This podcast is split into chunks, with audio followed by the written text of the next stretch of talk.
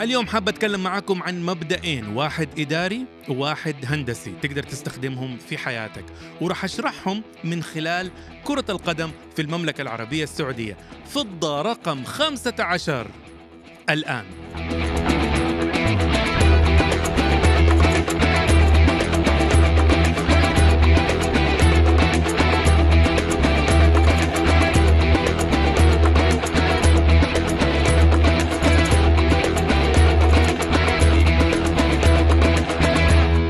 عليكم معكم ياسر بكر وحالي هو أحسن مما أستحق وأتمنى أن حالكم هو أحسن بكثير حتى مما تتمنون. أهلا وسهلا بكم في فضة سواء كنتم تشاهدون وتستمعون من أحسن بلدان الدنيا المملكة العربية السعودية. حفظها الله لنا وسخرنا دوما لخدمتها. أو إذا كنتم تشاهدون وتستمعون من أي بلد من بلدان هذا العالم الجميل أهلا وسهلا بالجميع. مغير عليكم الأمور شوية هذه المرة صح؟ جايكم من مكان غير استوديو فضة. كان عندي تصوير في ذا المكان واللي هو مسرح ال Comedy Club ل 11 شهر واقف. إن شاء الله الحياة كلها مو بس هذا المسرح هذه أبسط قضايانا حاليا عندنا القضية العالمية واللي آه، بدرجة كبيرة أيضا موجودة في المملكة وهو من إنه ربنا يزيل علينا جائحة كورونا. وتجوا تزوروني في مكان غير فضة وهو ال Comedy Club دائما حكون سعيد إني أستقبلكم.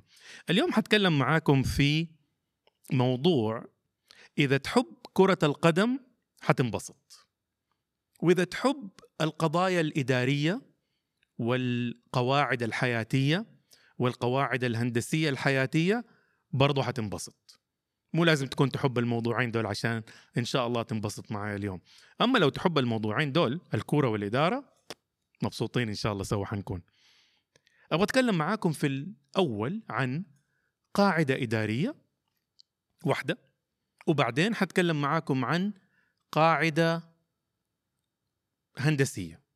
والاثنين دول لهم تطبيقات أكبر من عالم الإدارة وأكبر من عالم الهندسة. وحاول أشرحهم مو بشكل جامد لكن من خلال كرة القدم في المملكة العربية السعودية. جاهزين؟ القاعدة الإدارية هي ما لا يمكن قياسه لا يمكن إدارته. You cannot manage what you cannot measure. إذا ما تقدر تقيس ما تقدر تعرف. إذا ما تقدر تعرف ما تقدر تنجح. الطريق إلى النجاح في إدارة أي شيء حياتك شغلك أهداف كبيرة هو من خلال القياس. القياس هي الوسيلة الرئيسية لتحقيق الأهداف. كيف نطبق الكلام هذا؟ لو جيت تبغى تحكم على كرة القدم وقلت لك إيش رأيك في كرة القدم المحلية في السعودية؟ ممكن تحكم حكم عاطفي. أوه أموت في الكورة. يا واد أبها ضد ضمك أحلالي من أي مباراة تافهة في الدوري الأوروبي. أو العكس الدوري السعودي؟ يا عمي أنا بطلت زمان من الكورة. أنا هناك عايش مع ميسي وكريستيانو وصلاح ولا أدري شيء. حتى لدرجة تقول له إيش تشجع يقول لك كنت نصراوي كنت أهلاوي كنت اتحادي كنت هلالي. ممكن حكمك على كرة القدم يكون في شخصنة طالما هذا النادي مسيطر على تشكيلة المنتخب أنا ما راح أكون مع المنتخب طول الوقت. طيب يا سيدي أفلمت أنت بصراحة. أو انطباعات. اليوم مبسوط بكرة زعلان. تفرجت مباراة وأنت مبسوط؟ تفرجت مباراة ثانية زعلتك؟ صار انطباعك خاطئ. أعتقد إذا طبعا هذا كله من حقك. تقدر يكون دائما حكمك مو موضوعي. عاطفي شخصي شخصني شوية. لكن لو نبغى نطبق قاعدة ما لا يمكنك قياسه لا يمكنك إدارته على الكورة حنحتاج نعمل حاجة. حنحتاج نقيس في الأول إحنا إيش عندنا؟ إيش إمكانياتنا؟ إيش مواردنا؟ إيش الأسيتس اللي عندنا في عالم كرة القدم؟ بعدين نقيس هذا كله إيش أنتج. فخلينا نسويها مع بعض. هنا حسبت كم شيء. حطالع كثير في الشاشة اليوم فبس إن شاء الله بالي معاكم. خلينا نطبق هذا الموضوع على الكورة ونبدأ نقيس. واحدة من الأشياء اللي موجودة عندنا كإمكانيات في عالم كرة القدم هو التنوع العرقي والثقافي. المملكة العربية السعودية أكثر من 30 مليون نسمة موقع جغرافي مميز. الله سبحانه وتعالى كتب من إنه يكون في بير في غرب المملكة زمزم وكل العالم هوت قلوبهم إلى هذه النقطة. والله سبحانه وتعالى كتب انه يكون في آبار في شرق المملكة يطلع منها وقود هذا الزمان. كل هذا خلى المملكة العربية السعودية melting pot وعاء صهر بين الثقافات. وجعلناكم شعوبا وقبائل لتعارفوا يعني هو لازم أنت تتعارف. فاليوم تحقق في المملكة العربية السعودية ثروة بشرية غير عادية. هي السبب وراء كل هذه النهضة وكل هذا التطور السريع اللي نحن شايفينه وقطعا ينطبق على قدرتنا على لعب وممارسة كرة القدم. الموضوع هذا ما هو بديهي. في دول مثلا تلاقيها موجودة جنب القطب الشمالي قبائل لها آلاف السنين طول الوقت مع بعض ويتزاوجوا من بعض فتيجي وتلاقي من إنه صعب جدا يقدروا يلعبوا كرة القدم بالطريقة اللي أنت تبغاها أو رياضات أخرى أو ناس عاشوا في جزيرة معينة وما اختلطوا بأي أجناس أخرى مختلفة. فهذا أول شيء من الأشياء اللي عندنا قوية. رقم اثنين نضج السوق وقوة الدولة والمعيارية العالمية اللي بتمشي فيها. كل شيء في 20 30 أرقام. كل تمزح أنت كل شيء. في 20 30 في رؤية 20 30 هي عبارة عن معايير ثم الأهداف اللي نبغى نوصلها في المعايير. ولو تيجي تشوف القفزات اللي عملناها كان ترتيبنا الخمسين في التسعينات صار ترتيبنا الثلاثين الآن صرنا في مصاف العشرين الأكبر في كل قياس موجود. فاليوم المملكة كسوق تقدر تحط فيه بذرة كرة القدم وتنضج بشكل مميز جدا مقارنة بالآخرين موجود. رقم ثلاثة لو دخلت على Transfermarkt dot com هتلاقي إنه قيمة دوري كأس الأمير محمد بن سلمان الدوري السعودي دوري المحترفين السعودي قيمته آه كم؟ 340 مليون pound في عندك 460 لاعب محترف في الدوري السعودي. 25% منهم محترفين أجانب. هذا الدوري هو ترتيبه من ناحية القيمة السادس عشر في العالم قطعا الأول آسيويا. طبعا الرقم اللي قلته يتغير على حسب عقود وتوقعت واتفسخت فبالتالي ترتيبنا حتى إنه نحن ال 16 نت...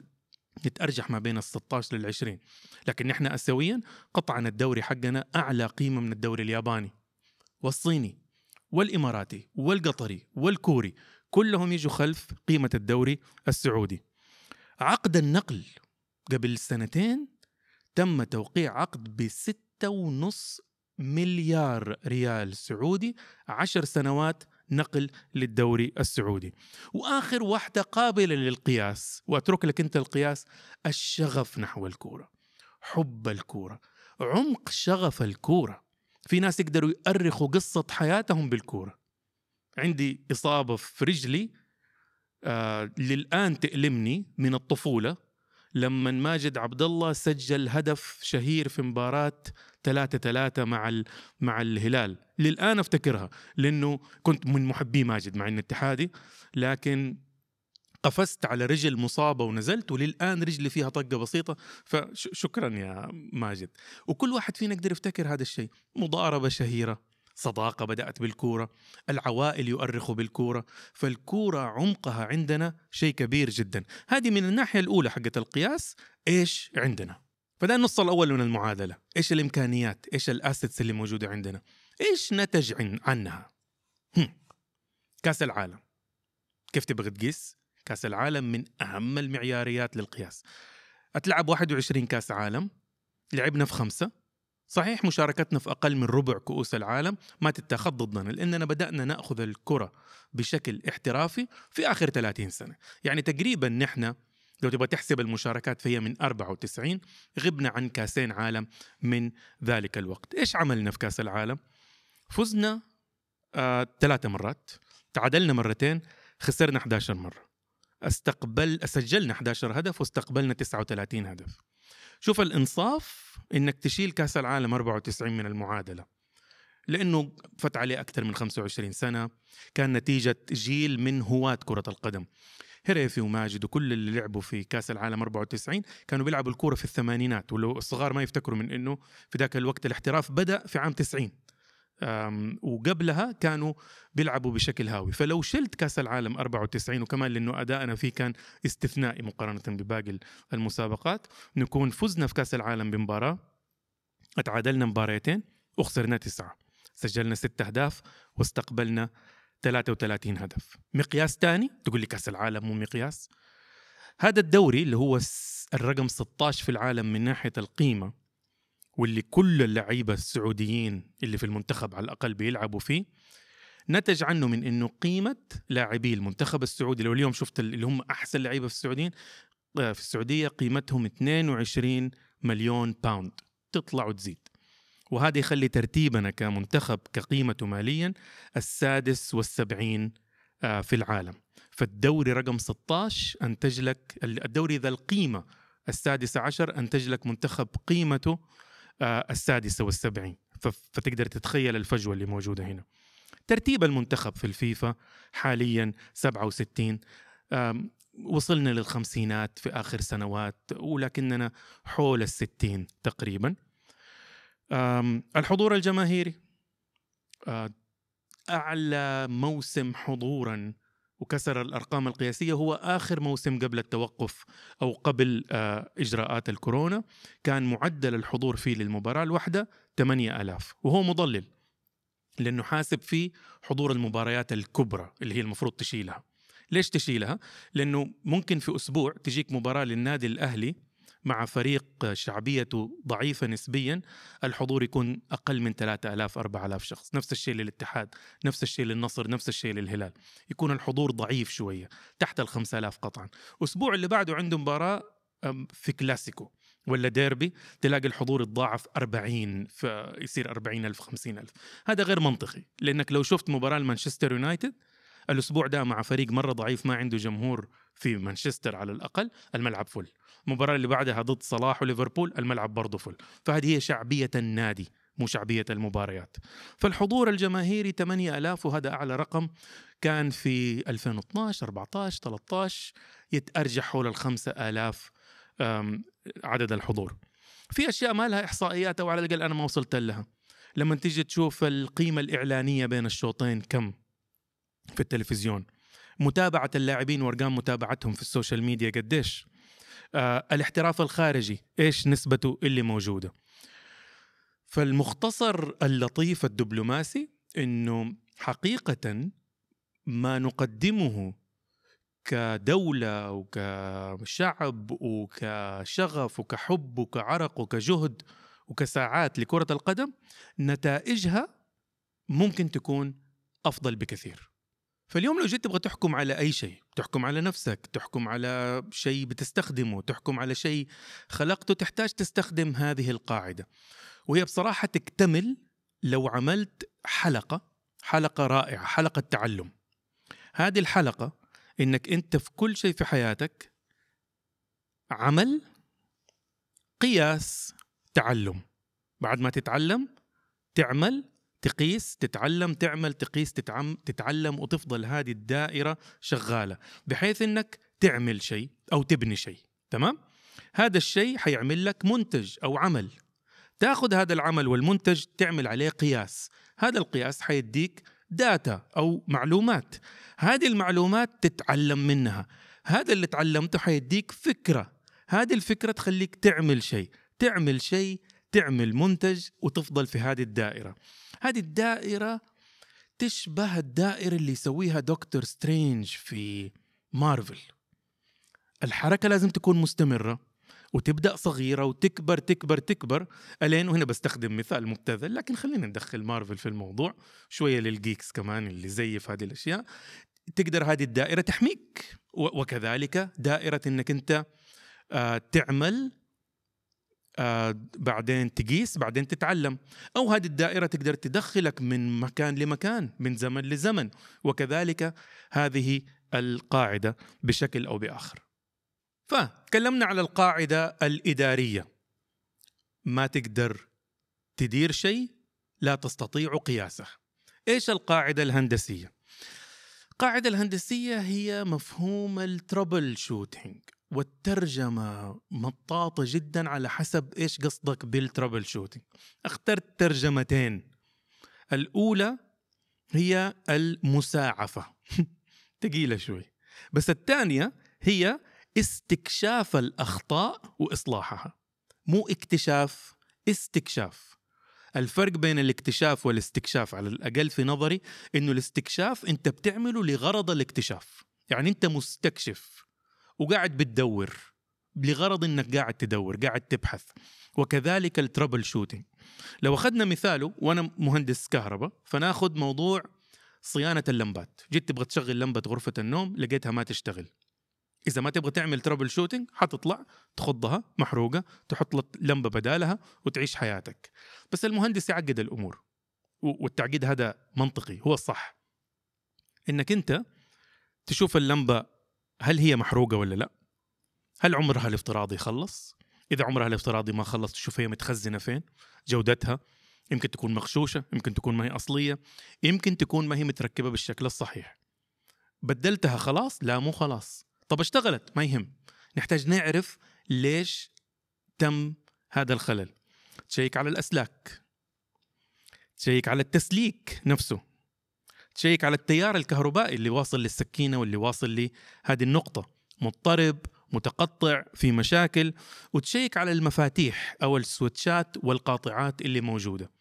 طول ما أنت بتـ check أنت بتعمل صيانة. طبعا بالنسبة للبيت تقول أنا كل ما لمبة تنحرق لازم أفتح هذا التحقيق. يمكن في بيتك ما تحتاج. بس تخيل لو كنت مصنع. ينفع كل ما لمبة تنحرق الإنتاج يوقف؟ لأنه الموظفين والعمال ما هم قادرين يشوفوا.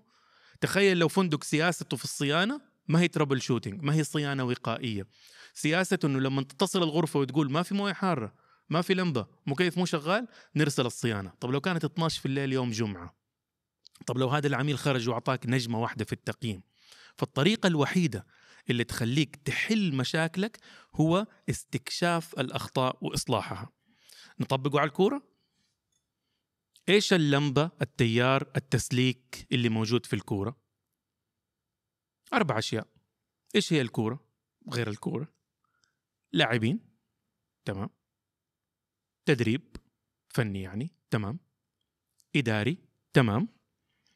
واتحاد اللعبة ووزارتها الرياضية. تمام. خذهم واحدة واحدة. نبدأ باللاعبين. قلنا تمام. نحب الكورة أكثر من عيوننا. وأشكال وألوان من المواهب والفنات الفنانين اللي موجودين. تقدر تطور زي لو أنت تبغى تصلح اللمبة فتلاقي السويتش عليه شوية غبار تنظفه علشان لا يسبب مشكلة بر نقدر نطورها. نقدر نطور الفئات السنية. نقدر نطور دوري المدارس. تخيل لو في مدينة الرياض عندك دوري المرحلة الثانوية. بلاش كلام فاضي يخلص من المدرسة ويركب باص ويروح على النادي الرياض ويتمرن فيه. ليش الهبل هذا كله؟ ليه ما يتمرن في نفس مدرسته؟ دوري لافضل 12 مدرسة آخر مدرستين تهبط وتدخل بدالها مدرستين من الدوري الرديف أو من دوري المنافسات وهذا يكون واحد من أهم المصادر. فعندك المدرسة الملعب اللي ملاصق لها أو إذا ما كان جوتها أصلا إذا كانت شيء من المدارس النموذجية. واصلا أنت تختار إنك تمشي برنامج كرة القدم في المدارس النموذجية. الطلبة يروحوا له بدل ما تقعد تلاحقهم في مدارس الدنيا. تقدر تطور الاحتراف الخارجي الابتعاث الخارجي لكرة القدم. هذا حيحسن اللعيبة لكن ما هي مشكلتنا الأكبر. مشكلة صغيرة مقارنة بالباقي. ناخذ التدريب أقل شيء فيه مشاكل. إذا في شيء تأكدنا أنه مو مشكلة جربنا كل أنواع المدربين. أكبر أسماء العالم على مدى خمسين سنة. جو المملكة العربية السعودية. ما هي مشكلة تدريب بس ده المدرب تغييراته غبية في الدقيقة 70 إيش دراك يا مورينيو؟ إيش دراك إنه ده التغيير غلط في الدقيقة 70 صلي على النبي بس بالله وكل الفصفص اللي قدامك. ما تعرف أنت في التدريب ولا أنا واللي بيصير في التدريب شيء رهيب جدا. ويا سلام بعد المباراة يسموها في ال بال بال في الأمريكان يقولوا Monday night quarterbacking يلعبوا كرة القدم الأمريكية يوم الأحد. فيوم الاثنين الصباح كل الموظفين يقول لك لو ما غير لو ما سوي إيه بعد المباراة أي أحد يقدر يكون مدرب وبعد ما توقع الفاس في الراس. فاللعيبة ممكن يتطوروا المدربين ممكن يتطوروا لكن حقيقة إحنا جايبين ال standard العالمي فيها. روح أحضر حصة تدريبية شوف المدرب إيش بيسوي في الملعب. ما هو مختلف كثير عن الدوري. لا الكرواتي ولا البرازيلي ولا الأسباني ولا الألماني ولا غيره. ومدرب حراس ومدرب لياقة ومساعد مدرب لياقة ومدرب يجلس فوق يقعد يشوف في الكمبيوتر كل واحد كيف يتحرك. كله موجود كله موجود. زي اللي يخسر مثلا يقول لك المشكلة من اليد. لا لا البلاي ستيشن كويس المدرب كويس. إيش بقي؟ اتحاد اللعبة وزارة الرياضة. صدقني أموره تمام. صدقني أموره تمام. زودوا عدد الفرق. دعم لا منتهي للأندية. روح للاتحاد الفرق اللي بتلعب الفرق واللاعبين اللي في تونس في بوليفيا في حتى في الدول اللي زي تركيا آه، واليونان والصين وقول لهم إيش الوضع اللي موجود. تذاكر آه، مخفضة ما تعرضت للتضخم الرياضي. نقل على أعلى مستوى كاميرات بتتكلم على دعم الأندية وحماية إنها تقدر تدفع رواتبها. ما في بلد كله زي بعضه. ما ما في هنا منطقة خلل رئيسية تقدر تقول هذه منطقة مشكلة. بقي الرابع الإدارة. هذه واضح جدا إنه هي المشكلة. في رايي الشخصي. بعد ما أنا سويت ال troubleshooting حقي. تبغى تجيب رأي تاني؟ جيب.